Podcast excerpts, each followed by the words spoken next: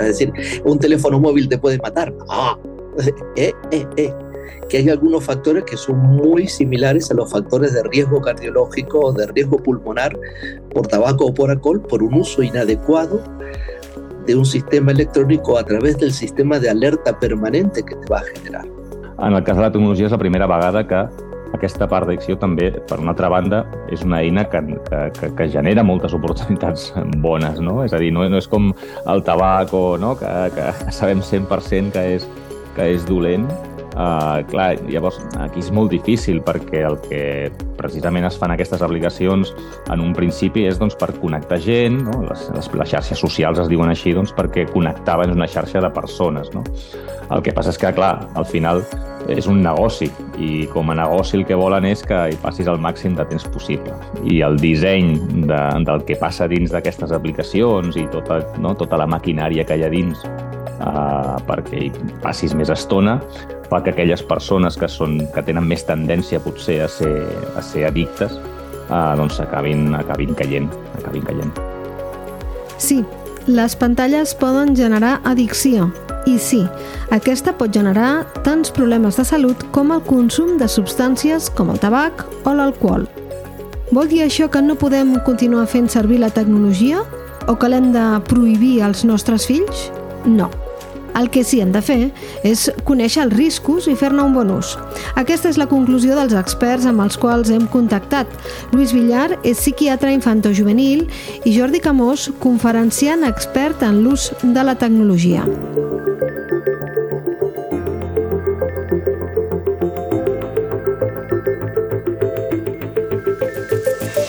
Hola, jo sóc Esther Pons i això és l'Altaveu a fons. I avui ens preguntem, què podem fer per deixar de ser esclaus del mòbil? Pendents del telèfon mòbil, de les xarxes socials, dels mails, els whatsapps, els likes... Hi estem tots. Però, com sempre, els més joves i que tenen per primer cop un mòbil a les mans són els més vulnerables. L'UNICEF fa poc va publicar un estudi sobre l'impacte de la tecnologia en l'adolescència, on van participar uns 2.000 joves entre 12 i 17 anys, el 60% del total. I el resultat indicava que un de cada tres feia un ús problemàtic de la tecnologia. Estem parlant d'addiccions conductuals. Què són? Ens ho explica fàcil Jordi Camós. Una addicció conductual es considera val, que és quan eh, sobreposes a l'ús, en aquest cas de la tecnologia, a altres activitats quotidianes. Doncs en el cas d'un adolescent, un infant, doncs pot ser doncs, l'escola, els estudis, activitats eh, lúdiques, doncs, el futbol, bàsquet, natació, ball, el que sigui. Val? Llavors destina o decideix destinar doncs, molt més temps doncs, perquè li demana, evidentment, doncs, el, el cervell, en aquest cas, no? per, per aquesta addicció que ha creat, eh, per, per fer aquestes activitats de jocs o videojocs o xarxes per sobre d'aquestes quotidianes. És a dir, ha diferents graus, és a dir, si poséssim no, una línia del 0 al 100, doncs depèn de la, de la persona, doncs eh, tindria potser més addicció o menys addicció. Això es coneix molt avui en dia, eh, s'ha posat molt de, de moda la paraula procrastinar, val? és a dir, doncs, doncs, deixar unes tasques no? doncs, per més endavant doncs, perquè consideres que les podràs fer més endavant o que en aquest moment doncs, no et ve de gust eh, fer-les i per què l'ús de la tecnologia, pantalles, ens porta a aquest estat de perdre moltes vegades la noció del temps que hi passem. Per entendre-ho, és necessari saber com funciona el nostre cervell. Doncs es va descobrir que, eh, en aquest cas, amb els experiments animals, doncs, reaccionem d'una manera eh, davant d'una recompensa instantània, eh? és a dir, quan, quan sabem que, que hi haurà un premi en una acció que fem, doncs el nostre cervell genera el que s'anomena dopamina, que és el que es coneix com, com l'hormona del plaer. Que es un gran modulador, es un gran neurotransmisor. Interviene en cosas tan graves como enfermedades, ¿no? Sabemos que el, el, el, Parkinson o la Corea de Huntington son enfermedades que tienen que ver con la dopamina y neuronas de, dopaminérgicas, diríamos, ¿no? Pero también está muy relacionada con los circuitos del placer. Entonces, podríamos decir siendo muy sencillos, que tenemos un cerebro muy primario. Aquello que me sirve y aquello que no. Es decir, aquello que me favorece y aquello que me genera un riesgo. digamos, como un, cerebro muy, muy de ser humano primario, ¿no? Será aquello que me ayuda a vivir o aquello que me puede generar un, un daño grave y morirme. Si yo voy a realizar algo que me genera una vivencia que mi cerebro la determina como placer, hay una gran secreción de dopamina. No en todo el cerebro, en un área muy concreta del cerebro, el núcleo accumbens se llama, un lugarcito muy pequeñito interno. Cuando se produce esta, esta, esta gran ola de dopamina ahí, este centro se encarga de, de dos cosas, de decir, esto es bueno, y voy a facilitar que cuando venga por segunda vez sea más fácil. Toda esta cosa que decimos, ¿no? Esto, los niños ahora ya vienen codificados, los niños ya ahora, ¿no? Los, sistemas son intuitivos, los, los niños cogen un móvil y ya no saben utilizar. No, no lo saben utilizar. Lo empiezan a utilizar, pero como hay una uh, automatización dopaminérgica, la segunda vez que lo usan es mucho más rápido aprendido que la anterior, y la tercera, y la cuarta, y la quinta. Entonces, la, base del aprendizaje en un mecanismo adictivo de recompensa inmediata está mm, mediado por la dopamina. Claro, cuanto más considero que eso es bueno para mí, ¿por qué considero que es bueno? Porque me da placer, o sea, no es un cerebro analítico, es un cerebro primario, ¿no? Es bueno. Porque es rápido y porque me da placer. Y encima hace que lo aprenda más rápido, porque hay esta gran ola de dopamina, por lo tanto, comienza a transformarse en un hábito y comienza a transformarse en una adicción. La adicción viene dada porque, porque és placentero i és ràpid. I en el cas de que uh, aquesta recompensa no sigui instantània, és a dir, no sabem certament que la tenim, sinó que hi ha un 50% més o menys de probabilitats de tenir-la, és el que es coneix com recompensa variable, el que fem és generar molta més dopamina. Això que és el que provoca doncs, aquesta, la dopamina, que és aquesta hormona, el que fa és anticipar el premi. El que fa és buscar de manera constant. Llavors, això traduït en el món tecnològic, d'aplicacions, xarxes eh, o tots aquests productes o serveis, el que dissenyen és eh, doncs, eines val? perquè el nostre cervell, i dic nostre perquè ja no va de, de petits, joves o grans, com indicaves, sinó que el nostre cervell el que faci és anticipar la recompensa. És a dir, jo obro una aplicació com pot ser Instagram o TikTok i anticipo que el següent vídeo de manera constant doncs, doncs m'agradarà, no? O moltes vegades, per posar un exemple, no? Um, estem mirant això, una, una sèrie i anticipem i la següent segurament episodi ens agradarà. No? Llavors, estem acostumats a tenir aquest sistema constantment de recompensa variable i de recompensa instantània. ¿Qué tiene de malo todo esto? Que mientras yo estoy desarrollando unos circuitos de rapidez, de inmediatez y de placer, estoy en detrimento de circuitos que tienen que ver con la espera, con la paciencia. Claro, también hay que ver que todo este sistema de placer y de dopamina no es una afectación solamente cerebral, se, está estudiadísimo, pero, eh, pero desde hace mucho tiempo que genera un estado de alerta. Eh, hay situaciones tan tontas que a veces no, no, no, las tenemos en cuenta si no lo sabemos, ¿no? Pero cuando estamos por responder un WhatsApp, cuando estamos por responder una intervención en una red social, cuando estamos por contestar o, o leyendo un email, detenemos la respiración hay una variación de la, de la, del ritmo respiratorio y también hay, hay, un, hay un índice que tiene que ver con el aumento o retraso de la frecuencia cardíaca que también varía. Y esto también genera un aumento de la tensión, sobre todo la tensión a nivel de los hombros, a nivel de cervicales. Es decir, hay una repercusión corporal, sí, se está llegando a hablar, se está llegando a hablar que esta estimulación del sistema de alerta podría tener una gravedad tal en el cuerpo humano casi como la del tabaquismo o la del alcoholismo. Si amb això no n'hi hagués prou, Lluís Villar, que ho dèiem abans, és psiquiatre infanto-juvenil, alerta que més enllà de poder causar addiccions, ansietat o altres patologies, ens està canviant com a societat.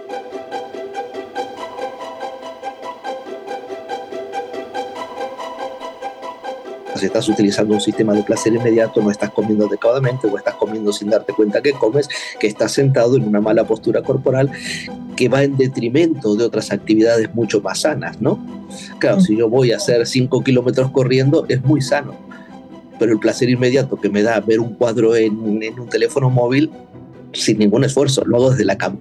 Entonces, bueno, eh, se, está modificando el estilo del, ser humano. Yo creo que el cerebro humano en un momento fue capaz de diseñar la, electrónica y ahora la electrónica nos está rediseñando a nosotros mismos. Y esto parece una tontería, pero es una cosa que está estudiada también, es que el, movimiento de la mano del, niño muy pequeñito cuando empieza a decir adiós, que hace, hace un adiós con la mano de, saludo muy primario, pero que tiene una connotación de maduración neurológica, está empezando a ser reemplazado por el movimiento del dedo para desplazar pantallas. Estamos hablando de cosas tan variadas como disminución del uso de circuitos, y si uno circuita, funcionamos en modo aquello que no se usa se ahorra. Si no vamos a utilizar circuitos que tienen que ver con la atención sostenida para aprender, van a disminuir, va a aumentar la distraibilidad cuando nos obligan a hacer eso cuando nos obligan a estar concentrados para aprender. Vamos a, a, perder la capacidad de paciencia y de tolerancia. ¿Por qué? Porque todo lo quiero rápido y sin esforzarme. Nos va a modificar a nivel corporal, nos va a modificar a nivel de elaboración de circuitos cerebrales que se desarrollan a lo largo de toda la vida. Nos va a modificar frecuencia cardíaca, nos va a modificar ritmo de sueño, nos va a modificar frecuencia respiratoria, nos va a vincular el tipo de a, modificar el tipo de vínculos que vamos a establecer con las personas. Entonces, claro, este cerebro tan primario que teníamos, ¿no? Si aquello que viene corriendo con dientes muy grandes, tengo que salir corriendo y esto que está calentito y me hace bien a la panza, entonces es bueno y lo como. Eh, ya ahora lo malo y bueno el cerebro no lo sabe distinguir. ¿Qué es bueno? Estar cinco horas con el móvil. El que ens han detallat fins ara serveix tant per un cervell jove com per un adult, però les conseqüències no són les mateixes. El, el cerebro a lo largo de la vida siempre está en formación. Aparentemente otros órganos no, pero el cerebro es, un órgano que siempre está generando nuevos circuitos en base al aprendizaje. La capacidad de generar circuitos a los dos años, a los 10 años, no es lo mismo que a los 80. Entonces, en esa etapa del nacimiento hasta los 21 o 23 aproximadamente, cuando se produce la maduración completa del, del cerebro, pero a nivel eh, neuronas, células que acompañan a las neuronas, eh, sustancias que tienen que ver con la conducción nerviosa, si ese proceso está interferido por un estado de alerta, ese cerebro va a crecer con ciertas debilidades, con ciertas eh, predisposición a afectaciones no es un cerebro que está creciendo normal. Y lo mismo te diría, ¿no? Si estamos usando niños de 7 años para que lleven un cántaro de agua de 50 kilos en la espalda, cuando llega a los 40 tendrá la espalda reventada. Si estamos llevando a los niños a un estado mental que va a afectar la circuitación normal, no va a dar por resultado un cerebro cuyos circuitos a su vez den por resultado todo aquello que necesitamos de un cerebro, que es el control de nuestras emociones, la tolerancia, eh, la compasión, la elevación, el, transformarnos en seres cada vez más elevados. ¿Que vamos a, a, dónde vamos? A seres cada vez más inmediatos, más exigentes, menos tolerantes, con una vida uh, ficticia, digamos, ¿no? La vida no es lo que pasa en la vida, la vida es lo que veo en el móvil.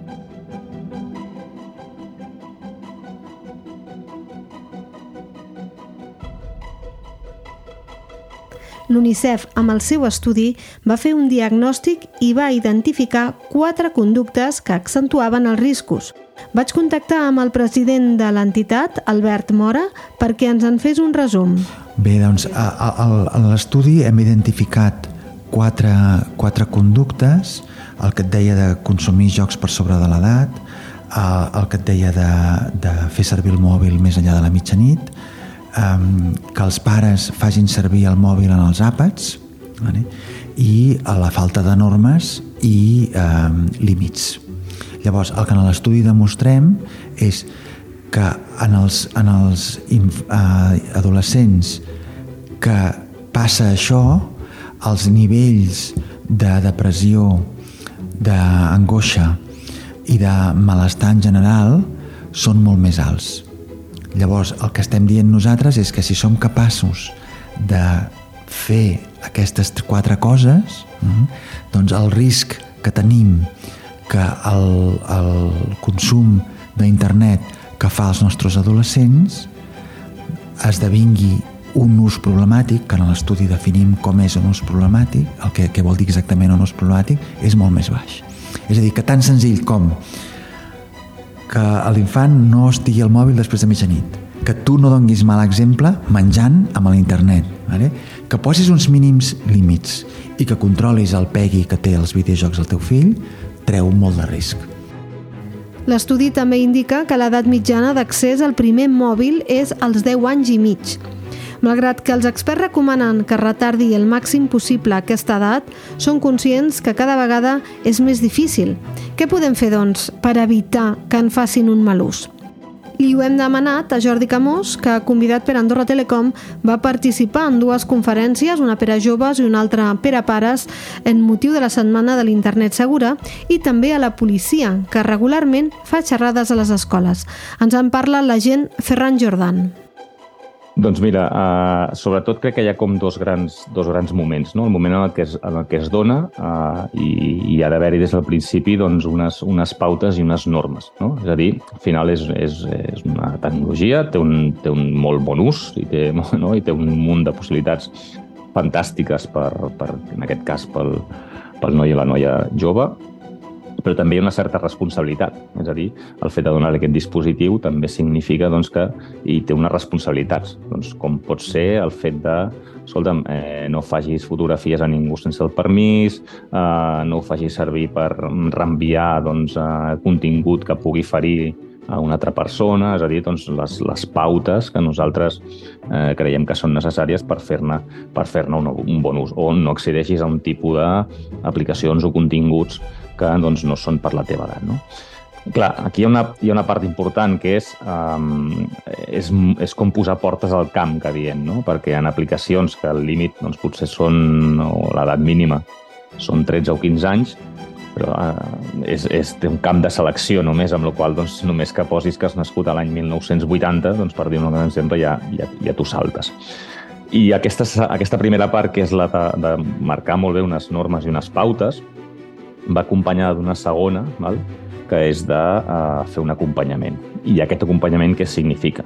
Doncs interessar-te, i és un consell de que, bueno, interessar-te també en, en, en el que fan, interessar-te també en com els hi va, interessar-te també en què és el que miren, què és el que els hi agrada, què és el que no, per no crear distància. Sempre jo faig una comparativa que és allò de, sento molt la frase, no? a vegades, oh, tant de TikTok, tant de TikTok. Bueno, això és com el que quan els nostres pares deien tanta tele, tanta tele. No? És, al final és per fer un símil a uh, dos etapes diferents, dos moments diferents, evidentment, però té, té aquesta similitud. No? En el moment en què ostres, veu que, i això passa als nanos, quan els fem la conferència als nanos, ells, curiosament, eh, i, els, i els joves, eh, de 12 a 13, eh, ens han dit la majoria de vegades, bueno, clar, és que jo de vegades li dic als meus pares de fer alguna i el primer que em diuen és ah, no, és que estic treballant, no? és que ara tinc feina, és que ara tinc... I, i, no, i, no està fent la, I no està fent feina perquè ho veuen, no? Clar, aquí és, aquí és on es produeix allò, aquest, aquest gap, no? aquestes diferències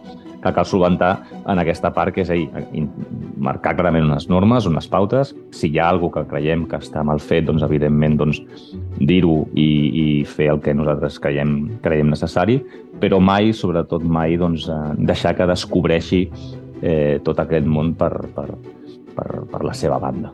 I sobretot els pares hem de monitoritzar aquest, aquestes conductes. I de tant en tant sentar-nos amb ells, monitoritzar quines són les seves amistats, ensenyar-los a privatitzar un perfil, ensenyar-los que no poden acceptar ningú, és a dir, en definitiva han de fer de pares, no? Han de fer, és a dir, és una eina més internet i una xarxa social és una eina més que hem de fer servir de forma correcta. Nosaltres podem aprofitar una notícia que surt a la tele per treure el tema i parlar amb ells i que agafin consciència dels perills que també els hi pot passar amb ells, és a dir, i de les conductes que són adients i les que, i les que no, no ho són. Llavors, eh, sobretot, que hi hagi una bona comunicació i nosaltres ens hem de posar una mica les piles per estar sobre d'ells i, i sobretot conèixer doncs, com funcionen la majoria de xarxes socials que amb ells els hi agraden perquè és la seva vida, estan els seus amics allà i nosaltres no fem tant de cas, no fem tant de cas perquè no ens interessa. Però resulta que ells allà tenen una interacció amb persones i nosaltres hem d'estar vigilants perquè a cap i a la fi moltes vegades són persones que, com ja hem dit abans, no coneixen de res. Des de la psiquiatria també ens en parla Luis Villar. Hay que quitar el móvil, pero tal vez haya que dar a cambio otra cosa. ¿Y qué es lo mejor que se puede dar si yo retiro un elemento tecnológico? Es presencia. Claro, para tener presencia hay que tener tiempo, hay que no estar cansado y hay que tener un espíritu de sacrificio a alguien que ya está contaminado de no sacrificarme porque si estoy con el móvil estoy más cómodo que con mi hijo. es complejo, es muy complejo y es una de estas situaciones en la que hay que hacer un cambio desde el punto de vista de ensayar otro tipo de placeres. El yoga, el deporte, la pintura, la música. Hablando de música, la música es un, un elevador de dopamina. La música es un elevador de dopamina. Um, eh, quitar porque sí, no. Quitar pero dar a cambio. I no hem d'oblidar el paper actiu dels joves quan prenen consciència que tenen un problema o que l'abús del mòbil pot suposar una pèrdua de control. Quan hem fet la, la sessió més als, als adolescents, ells realment quan parles eh, amb ells i amb elles eh, són molt conscients de tot el temps que acaben moltes vegades perdent. Eh? I repeteixo que no el 100% del temps es perd a les xarxes socials als videojocs. A mi em pot servir per desconnectar d'un mal dia o em pot servir potser una hora aprenent un tipus de continguts. Llavors, moltes vegades dic, que quan, si us doneu compte de que us treu molt de temps, eh, hi ha com quatre grans maneres de, de, de fer baixar aquests nivells de, de dopamina eh, d'una manera molt, molt efectiva. Eh, la primera és apagar les notificacions. És a dir, el fet de tenir un dispositiu que ens emet una notificació, el que fa és que centrem l'atenció en el dispositiu deixant estar tot el que estem fent en aquell moment. No? I això passa tant a adolescents com a, com a adults. No? Doncs apagar les notificacions és la primera. La segona és eh, que els dispositius ho permeten posar límits en aquelles, en aquelles aplicacions que sabem que ens treuen temps. Doncs, per exemple, si jo sé que l'aplicació d'Instagram o l'aplicació de TikTok um, passo moltes hores veient contingut i em puc posar un límit de, doncs 15 minuts, 30 minuts, 45, els que calgui, i en el moment en què ens salti l'alarma, això sí, doncs ser conscient de que, ei, ja he desconnectat suficient i en aquest moment, doncs, fins demà, diguem, que no em toca un altre cop veure. És, és com allò que ens deien, no? Una hora a la tele, abans. Bueno, doncs una hora a la tele al dia, val? bàsicament. Després hi ha una tercera que és, bueno, en el cas que jo sigui conscient que realment tinc un problema uh, d'addicció en aquest joc, o potser és un, un, un videojoc, per exemple, en el qual doncs, uh, m'enfado o m'altero, etc etc. doncs uh, la solució més dràstica és eliminar. També ser capaç de dir, ei, és veritat, assimilo que tinc un problema i elimino aquest joc i, a partir d'aquí doncs, em trec aquesta, aquesta necessitat. I després una quarta, que és, que és molt divertida, que és, un, que és un, que ho vaig descobrir un dia per casualitat i, i ostres, vaig pensar que, que és una bona idea, uh, que era posar el mòbil en blanc i negre. És a dir, eh, la, el, el mòbil hi ha una manera de configurar adaptabilitat i que és posar tot el dispositiu en blanc i negre i és curiós perquè ho he provat amb adults i, i joves i, i acabes desconnectant del mòbil perquè et desespera. És a dir, el fet de no tenir colors eh, cridaners en un videojoc, per exemple, o, en un, o, en, o als vídeos, no? doncs fa que perdis l'interès. Eh, fa que et sobti i perdis l'interès perquè no acabes de veure eh, tot aquell món en color que estàs acostumat, amb la qual doncs, està comprovat doncs, que habitualment doncs, eh, et desconnecta d'aquesta aplicació. No n'hem parlat avui, però els riscos associats a les pantalles i a l'accés a internet van més enllà de la pèrdua de control de la voluntat. Altres perills són l'accés a continguts inapropiats, el ciberassetjament, la vulneració de la intimitat. Internet eh, dona l'oportunitat d'accedir a continguts pornogràfics i violents que fomenten l'anorèxia o fins i tot inciten al suïcidi. Continguts que mereixeran, en una altra ocasió, la nostra atenció.